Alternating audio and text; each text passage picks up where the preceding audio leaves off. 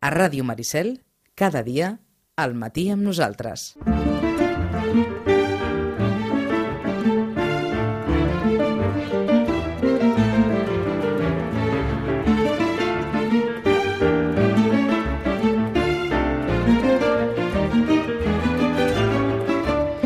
En un mes ens plantarem el Nadal, estarem ja entre... Bé, no només estarem a Nadal, sinó que haurem passant el, Nadal, estarem a les portes de Reis eh, i, per tant, eh, segurament algun que altre llibre pot caure durant aquestes eh, festes properes. Saben que el mes de desembre, ja ens ho diu la Rosana, no és que sigui un mes molt procliu a les, a les novetats, però sens dubte sí que hi ha recomanacions per aquests dies. A les llistes dels llibres eh, més venuts continua dalt de tot Down Brown i aquest símbol perdut.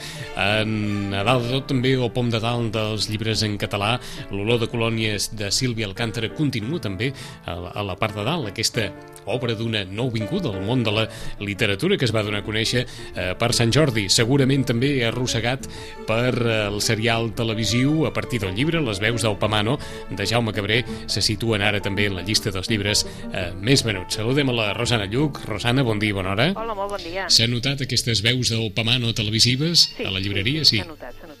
Eh? El públic català volia saber una mica més sobre, sobre l'obra. Eh? Sí, també s'ha notat que eh, la reconciliació de tots aquells que l'havien llegit, les ganes de dir, home, eh, m'agradarà molt veure-ho com ho representen, no? Mhm. I a més a més, bueno, recordeu que les veus de Pamano, que ara eh, sortiran a les llistes també més venuts, suposo que són les de butxaca, saps? Perquè s'ha fet una edició de butxaca. L'altra edició, doncs, com que és més cara, doncs, ha quedat arraconada, però Mhm. vaja, sí. Eh? I suposem també que serà un llibre que la gent voldrà regalar per Nadal. D'acord. Jaume Cabré té també un, un estil prou atractiu per molts lectors, no? Sí, sí, sí, a més aquest està, està també, no? Ens, ens explica també tot el tema de, bé, de, de tots aquells que s'havien d'amagar, del tema d'estar en un poble, d'haver de seguir el que diu, eh? el que mana i tot això, sí. És Mhm. preciós el llibre. Doncs les veus del Pamano que es fica en la tercera posició dels llibres més venuts en català i Dan Brown, com dèiem, dalt de tot. Mm, Stieg Larsson ha baixat eh, posicions i ja no acapara, per dir-ho així, ja no monopolitza els primers llocs eh, de la llista i afegim també en la llista en català en el número 2 el llibre d'Àngel Escaso, el llibre de la Premi Planeta contra el viento, en segona posició, en tercera posició oh, L'home inquiet de Henning Mankell i en quarta posició aquest llibre que ens comentava la Rosana, que no és un llibre fàcil tampoc, que és un llibre en el qual Saramago eh, fica el dit a la nafra de moltes coses, doncs Caín de Saramago continua estant també a la llista dels llibres més venuts en castellà. No hi ha massa novetats per això no, eh? No, no, no pas en les llistes. Pocs canvis, eh? En les llistes, pocs Però canvis. suposem que d'aquí a molt pocs dies ja començaran a haver-hi una mica més de canvis. El Mm. que passa és que sí que hem de ser conscients que el símbol perdut, possiblement, quan parles de, per nombre, eh? per nombre Sí. d'exemplars venuts, segurament serà el més venut. És molt probable. D'acord. Eh, Eh, La de- Stephanie Meyer no l'hem Mhm. d'oblidar, que té un altre públic, i com que, que passa que com que la gent s'ha llegit ja doncs, el, el Crepúsculo i la Luna Nueva, hi ha els que comencen pel Crepúsculo, els altres que continuen per l'Eclipse, i potser això fa també que les ventes siguin més no siguin de tants nombres d'exemplars, però que sí que es nota que la Stephanie Meyer continua tenint, eh, sent un pes pesant. Eh? Mhm. Eh, que havíem parlat d'una tempesta de l'Imma Monzó? Sí, havíem Sí. parlat, eh, dèiem que era no, la gran aposta també de, de l'edició La Magrana, que la presentaven com a... Tenien dues grans autores catalanes, una era la Maria Jaén, que va ser la primera que va sortir, i després Mhm. va sortir la Imma Monzó. Sí, vam parlar de- d'aquesta obra, no?, de, diguem-ne, de, en el que la protagonista, per dir-ho d'alguna manera, és eh, un alter ego, se suposa, de la mateixa autora, no? Una autora que ha d'anar a un club de lectura, eh, que es fa en un castell, i que quan està passant cap al castell, en la carretera, es troba que hi ha una tempesta i que hi ha hagut un accident, no?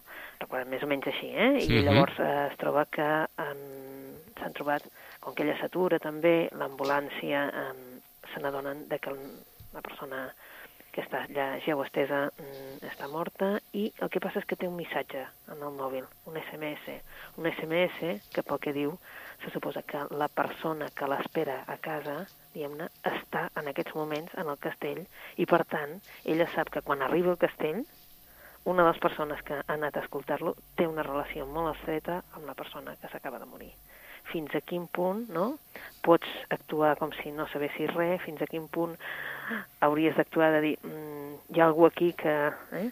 i llavors, doncs, bueno, tots els dimonis aquests que portem tots a dintre, que ens surt tot, de que, no?, de dir fins a quin punt aquesta moral de dir, home, què haig de fer jo ara? Mm -hmm. Haig de fer no? un club de lectura com si res, eh, no hauria d'aturar-ho i de dir aquí hi ha una persona doncs, que es pot trobar, hm? Doncs tota una sèrie de coses que, uns problemes que ens posa a dintre d'aquesta tempesta. Eh? Una tempesta, llibre que s'incorpora també a la llista dels llibres eh, més venuts en català i en assaig, les memòries, la segona eh, tongada de memòries de l'expresident Pujol, continua acaparant també la sí, llista de, dels, sí. dels, dels més venuts. Eh? Aquest temps de construir de Jordi Pujol, el segon volum de les memòries, està dalt de tot i la breu història de la corrupció de Carlos Roberto Broski en segona posició en els llibres més venuts de no ficció en català. Anem per unes quantes recomanacions en un mes que, com ens deia la Rosana, no acostuma a ser massa procliu a novetats, no? No, no, no hi ha gaires novetats, en, en van sortint encara, eh? perquè no, els editors això de que ja s'hauria d'acabar el tema novetat, encara no s'ha acabat, um, encara n'esperen treure forces, però vaja, ja no són allò de dir de grans nombres d'exemplars, no? d'aquests títols que se n'haurien de vendre moltíssim. O sigui que els grans llibres de l'any ja han estat presentats. Uh, quasi, quasi. Eh? Quasi, els quasi. llibres, uh, quasi, quasi. Si no, uh, tothom sap, eh? vull dir, ha de sortir la nova gramàtica, eh? espanyola, això sí, um, en dos volums, una cosa molt ben feta, etc etc i surt ara el dia 4, o sigui que... Però ja està to, quasi tot anunciat, per dir d'alguna manera. I ahir va sortir la gran novetat del desembre, eh, que és el Paul Auster. Mm. Eh? Ahir ens va arribar la última novel·la del Paul Auster, l'última que s'ha editat, eh, també fora, el Invisible, eh? tant en català com en castellà jo diria que és la, la gran novel·la del, del Paul Auster. Per aquells que ens agrada molt el Paul Auster, darrerament eh, potser havíem sentit que, que eren uns temes que potser no, que se'ns feia gran l'autor, que semblava que hi hagués algú que digués, home, sí, està, està bé perquè és el Paul Auster, etc, però no m'acaba de, hm, de fer el pes. Hm. Aquesta és eh, una gran novel·la. Eh? Ens situa l'any 67, ens situa una altra vegada a Nova York, és clar, uh -huh. eh, i ens presenta un personatge, un personatge que és un jove que en definitiva té aspiracions a poeta i està estudiant a la Universitat de Colúmbia. I allà és un noi bastant enigmàtic, és un noi que no, diguéssim, que no té grans amistats, molt solitari, li agrada massa la poesia, se sent allunyat de tothom i coneix en una festa amb una parella, un professor que ve de la Universitat Francesa i que està fent una estada, diguéssim, a la universitat, està fent uns cursos ell, està, és, és el Rudolf Born, mm -hmm. té un nom així bastant alemany, diguéssim, i, però el Rudolf Born té també, porta una parella, una parella, una noia molt extravagant, mm, representa més jove que ell, però molt més gran que el que seria l'Adam, i és la Margot. Eh? Um, de bon començament doncs ja s'estableix un contacte amb ells perquè és que l'Adam pensa que aquest nom, el Rudolf Born, és el nom d'un poeta que el Dante, en la seva gran obra, doncs, eh, el, el fa protagonista de que, bueno, doncs que porta el cap tallat. Eh? Evidentment, el Rudolf Born no, no coneixia aquesta, eh, diguéssim, aquest enllaç amb el seu nom, però en definitiva el que es tracta aquí és que, que comença un triangle, un triangle una mica pervers, eh? perquè la relació entre ells serà enigmàtica, perversa, el Rodolf Born li proposa de cop i volta amb l'Adam doncs, de formar una revista, un projecte, clar, una revista així literària, una revista excelsa, per dir d'alguna manera, és clar, és el gran somni de l'Adam, però veu que ell no està preparat, no sap encara per què li està proposant això. Hi haurà un, un assassinat pel mig, una cosa que ell portarà sempre a dintre i que té la necessitat d'explicar. I és com si la novel·la tingués una altra novel·la dintre, perquè en definitiva l'Adam, després d'aquest episodi, té un episodi amb, un, amb la seva germana, té una relació, per dir-ho d'alguna manera, que feia temps que no es veien, i després de 50 anys eh, vol tornar a tenir contacte amb un company de la universitat i li vol explicar la seva història i es vol, el vol veure. Mm, li va enviant capítols de lo que està escrivint, que en definitiva seria la seva biografia, perquè és una manera d'explicar-se la seva reacció davant d'aquest assassinat que hi va haver quan ell era jove. Mm? En definitiva, és com si féssim dues novel·les, no? una el que està passant i una el que ens està explicant de què havia passat, Uh -huh. i és una novel·la que ens deixa allò amb una intriga fins a l'últim moment, amb una sensació de que està molt ben escrita, eh? i la veritat és que, bé, Invisible és una novel·la apassionant. Mm. Jo crec que és apassionant. Eh? Dona la sensació d'un veritable trencaclosques, eh?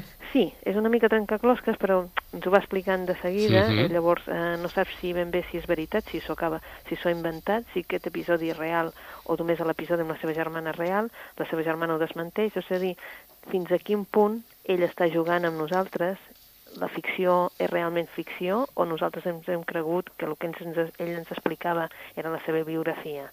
En definitiva, tot és una novel·la, però és com si fos una novel·la dintre d'una altra novel·la, no? Mhm. I en definitiva, seria novel·la o seria biografia el que ell es vol explicar, no?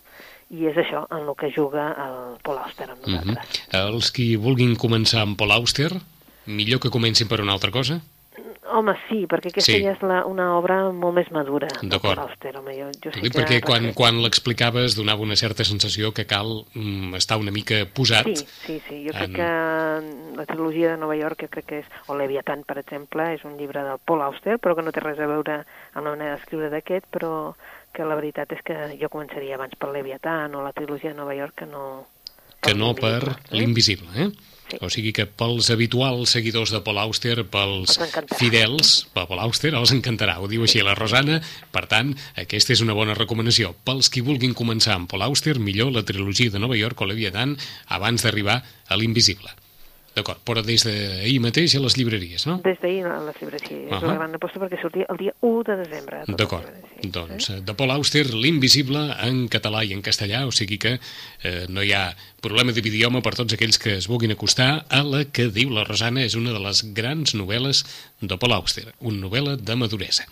Per on seguim? Seguim per una novel·la especial, especial perquè no coneixíem l'autor, de fet eh, jo diria que no hi havia res publicat aquí, eh, o potser sí. Mm, Eh, jo diria que no, eh? és un autor eh, holandès, un autor que es diu Willem Frederik Hermans, eh? Eh, de fet va morir el 95, era un autor mm, molt conegut allà, um, nosaltres, jo reconec que aquí, com que no teníem retraduït, tampoc no, no havia llegit, Mhm. però que ve avalat pel Kundera. Eh? El Kundera va dir d'aquesta obra que mm, primer la veia molt massa, massa llarga, però no, mm, té 380 pàgines més o menys, eh, però la veritat és que se la va llegir d'una tirada.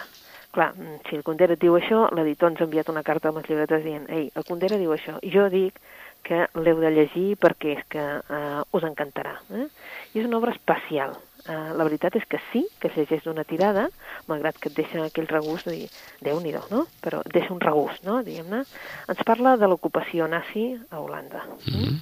Hi ha un jove, un noi jove, molt jovenet, és un, és un noi que és, els seus pares són, tenen un estanc, i de cop i volta un dia ell és un noi una mica marginat, perquè és massa blanquet, massa poca cosa, té poc pèl, i esclar, a l'escola mm, triomfar, triomfar, no triomfa. Ell ja hi està acostumat a ser, saps? Vull dir, els altres quan surten de l'escola corren, ell no corre perquè és que ja sap que no els enganxarà, per tant ja no cal ni córrer, tot com si es quedés bastant enrere, eh? bastant com una mica obscur el noi. Eh?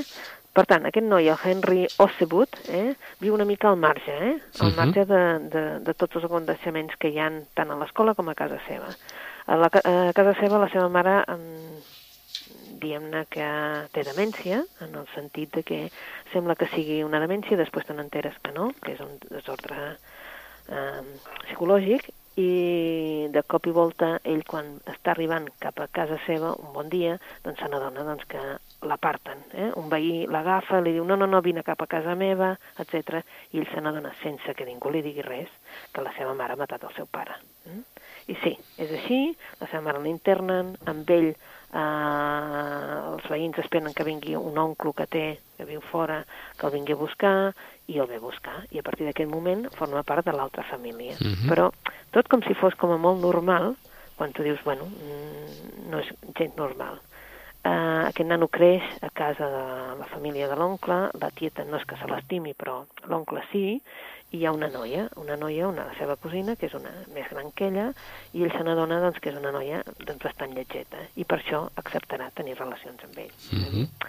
En definitiva, acaben casant-se, eh, tornant a l'estanc, i ell es fa càrrec de la seva mare. Tot això quan només encara té 20 anys, encara no els ha fet, eh, diguem-ne. Um, hi ha els, els nazis que corren per Holanda, que imposen el seu terror, i de cop i volta amb ell, eh, ell que voldria estar dintre la resistència, eh, de cop i volta se li apareix una persona que és idèntica amb ell, idèntica, com un positiu i negatiu. Eh? Mm -hmm. I bé, a partir d'aquest moment, eh, que es diu eh, Borg, aquest, eh, doncs resulta que veurà com eh, l'empitges, com si ell l'espitxés a fer una sèrie de coses que ell ja s'hi troba, però des d'assassinar algú, coses misterioses com que s'han de trobar en un lloc, uh -huh. li Mhm. envien una persona i al final ell que pensava que estava treballant per la resistència serà precisament la resistència la que després li demanarà les comptes. Li demanarà comptes i ell encara no en té res. És d'aquells personatges que no saben ni per qui estan treballant ni què estan fent, però que segueixen com una línia. No? D'acord. És com un thriller, eh? Mm -hmm. Però un O sigui, thriller una, un, un, una, una persona que se sent dominada per les altres. Sí, és una... però és que al final tu planteges si hi ha una... És com si tingués una... Saps, allò moralment? Mhm. No sé si, si es planteja res o no es planteja res. D'acord. Vull dir, de bon començament va acceptar casar-se amb, Mhm. la, amb la seva cosina quan no sentia res. Però... D'acord, vols dir un, un home sense, sense criteri, sense voluntat sí, pròpia? una ambigüetat moral, eh, saps allò, mm, no sap ben bé si està... Ell s'hauria de plantejar si és una traïció, si és una mentida, no Mhm. uh planteja, com si no es plantegés. És com si les coses li anessin passant i ell les anés entomant, saps? I com si es tingués alguna a fer amb això, quan Mhm. realment s'han pres una acció, una sèrie d'accions, sense veure qui li estava manant aquestes accions, no? Saps? Doncs, És com una intriga i hi ha com allò un món d'equívocs, no? perquè hi ha una sèrie de coses que, que sembla, home, eh, eh, si s'hagués plantejat això no ho haguera fet, si no ho haguera fet, però és com si ell eh, no entengués ni què carai ha passat de tot mhm. això. una, una història complicada també Una aquesta, història eh? complicada, una història complicada però que, que, que no la deixes de llegir. Eh? Mhm. És allò que dius, mm, déu-n'hi-do, no? Vull dir, l'oncle pel mig, el, eh? una sèrie de personatges que, que venen, l'ambigüetat de l'oncle, perquè ell demana ajuda a l'oncle i està portant una persona que no és la seva dona, Mm, saps? Tota una sèrie de personatges que dius... Um, trets d'allò que, evidentment, que en situacions de guerra, en situacions d'això, i que, a més a més, que cap d'ells està entenent si els nazis són bons o no són bons pel país. El llibre es titula, Rosana, El cuarto oscuro de Damocles. El cuarto oscuro de Damocles. Sí, Mm? eh? com O el sigui, de Damocles, sí, però sí, el sí. cuarto oscuro de Damocles. D'acord. De Wilhelm Friedrich Hermans. Herman, sí. La veritat és que ja us dic, eh? Mm, L'editor, la veritat, diu que té un rastre allò de... que el Condera diu que és una obra boníssima, i sí, és cert, passa que és d'aquelles obres doncs, que la llegeixes i tens aquella sensació de com la fragilitat humana i de com algú es pot veure en pe de fer una sèrie de- d'accions sense plantejar-se absolutament res i Mhm. aquesta ambigüetat moral sempre, d'estar sempre en el canto de dir, bueno, això està bé o no està bé. Doncs- O si realment s'ho planteja. Sí, sí, sí. no. És segurament un dilema que, que potser es varen plantejar molt en circumstàncies difícils o semblants. Sí, exacte. Mm? Allò de pa passar-se la vida sense, sense assolir les decisions pròpies i sempre mm, doncs, anar a cavall de les decisions dels altres Sí. o, de la, o de la influència dels altres sobre un mateix. El Cuarto Oscuro de Damocles, eh, escriptor, autor holandès que va morir l'any 1995 i que ha vingut editat de la mà, bé, de la mà i del reconeixement i del padrí Milan Kundera. Per on seguim? Pues seguim per una obra que també és una de les mm, que s'han publicat aquests dies, darrerament, que és la del Haruki Murakami. Eh? Murakami ja és un autor de culte a casa nostra des de que mm, es va publicar el Kafka a la platja, l'After Dark, jo diria que potser el Tokyo Blues va ser una de les obres que doncs, eh, una certa generació doncs, ha seguit i segueix amb aquest autor. Eh? El Haruki Murakami ens presenta el despietat país de les meravelles i la fi del món. Eh? Però és una obra completament diferent a les que havia escrit, potser. Eh? Mm, és com una mig novel·la de detectius i mig novel·la de ciència-ficció. Més tirant cap a ciència-ficció. Eh? Uh -huh. eh, és una novel·la ambiciosa, però que una mica que és, està sempre en un terreny de la realitat i sobretot del subconscient. Eh? Mm, si haguéssim de trobar un fil conductor a les altres novel·les, potser seria la crònica de l'ocell que va fer girar el món, eh? i també amb After Dark, no tant amb Tokyo Blues, que és la que és més coneguda. La novel·la té com a dues línies narratives paral·leles eh? i al final acaben, evidentment, convergint. No?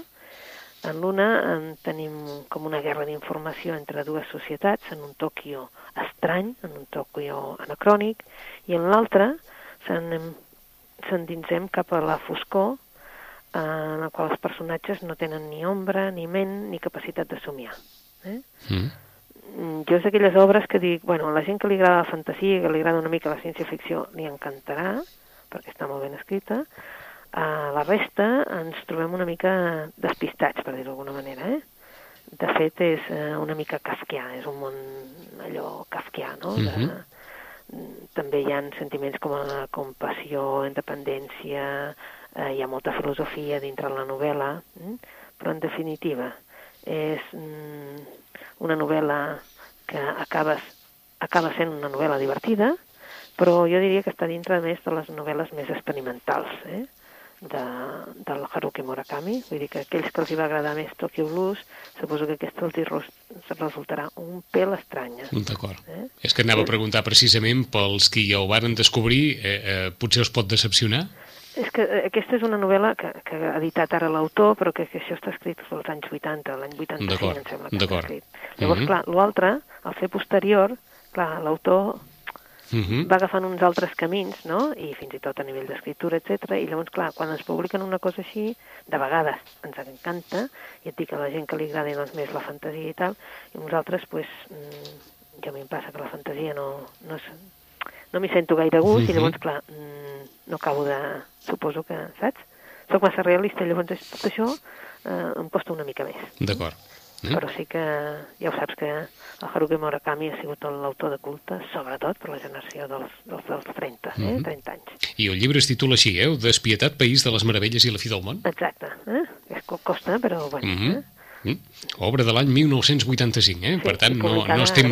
eh? D'acord, publicada... català Eh? Eh, total, eh, han, han passat 24 anys d'això. Sí, sí, I, i per tant en la trajectòria d'un escriptor és molt normal que després hagin vingut coses molt diferents i, i amb estils també diferents. Per tant, eh, a tots aquells que eh, qui seguissin Murakami doncs sàpiguen que això és un, un, una marxa enrere en el temps i, i per tant una, una novel·la molt més experimental o com a mínim molt més agosarada en, en plantejaments. I tenim temps per una recomanació més, Rosana Doncs bé, un autor que ens va agradar molt eh, i que ha quedat realment eh, finalista en el Premi Llibreter és el Wallace Externa.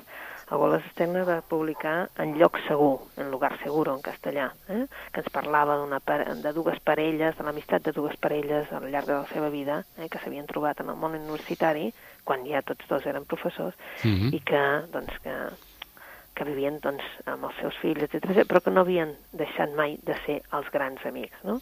Ara ens presenta Ángulo de Reposo. Eh? Bé, ens diu que és un premi Pulitzer eh, i aquesta sí que és una novel·la d'aquelles de seure en el sofà perquè té més de 700 planes. Eh? És a dir, que això de...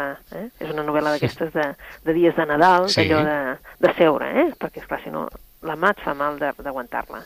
Ángulo de Reposo ens parla d'un historiador, el Lehman Ward, que ja està retirat, és un professor que ja està retirat, i que ara el que vol és una mica escriure la història del, dels seus avis.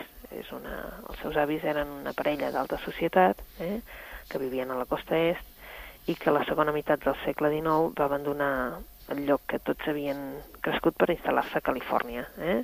Califòrnia en aquells moments era un lloc encara una mica per civilitzar, en el sentit que no hi havia encara res del que es coneix ara. Eh? I cada vegada que va profunditzant en els records de la família, ell se n'adona eh? que el, el passat l'ajuda a comprendre el, el present. Eh? En, en definitiva, es basa en la correspondència d'una autora il·lustradora nord-americana, la Mary Hallockfoot, que va ser una de les primeres artistes en ocupar-se de, la, de la vida de l'oest americà. I el que fa a l'Àngulo de Reposo, aquesta obra, és retratar l'esforç de tota aquella gent que van viure al, al món vell, uh -huh. diguéssim, per enfrontar-se amb una nova realitat geogràfica, amb una nova història, amb una nova realitat fins i tot humana, pel que fan ells. Eh? És una narració sobre quatre generacions d'una família nord-americana, eh? Que va guanyar el Pulitzer, sí, però us avisem que el va guanyar als anys 70, eh? i és una de les millors obres de Wallace Stemner, però i també una de les millors obres de, de la literatura dels Estats Units del segle XX. Per què? Home, perquè retrata, doncs, amb tots aquells que van atrevir-se a anar a fer vida a Califòrnia. Mm -hmm.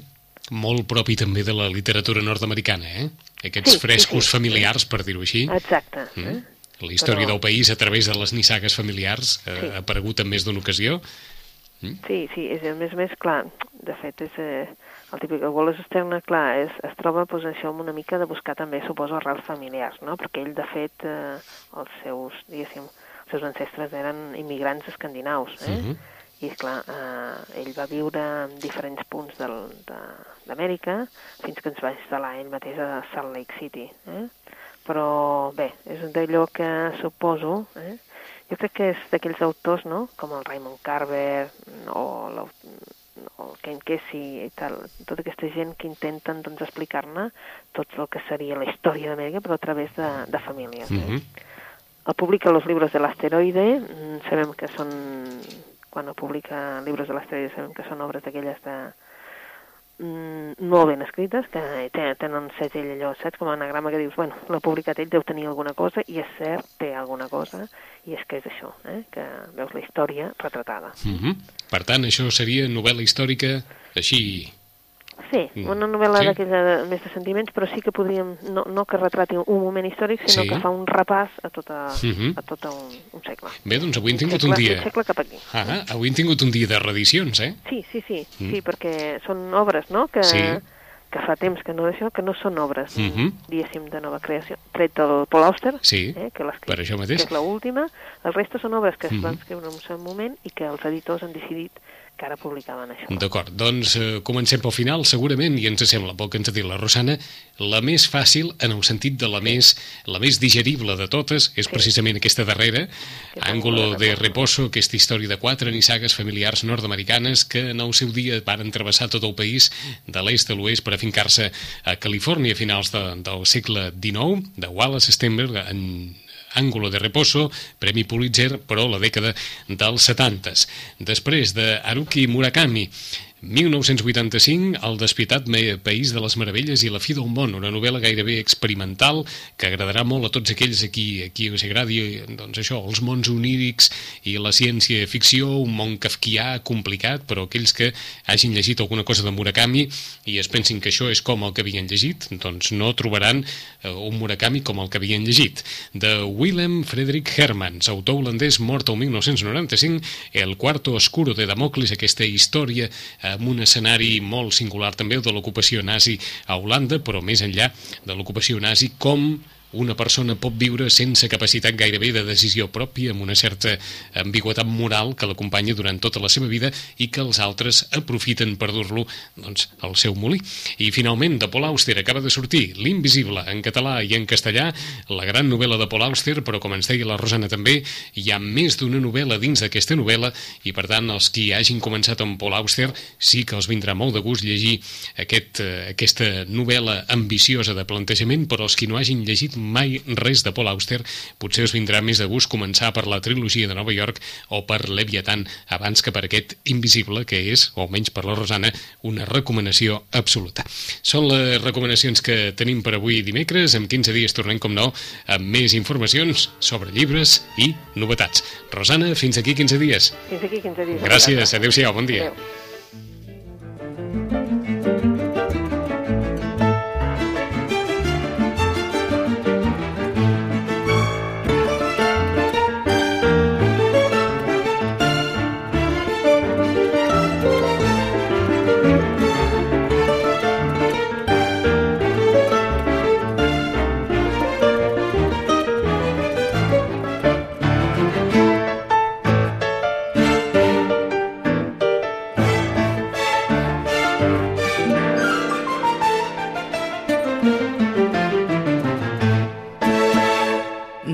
Maricel, 107.8 FM.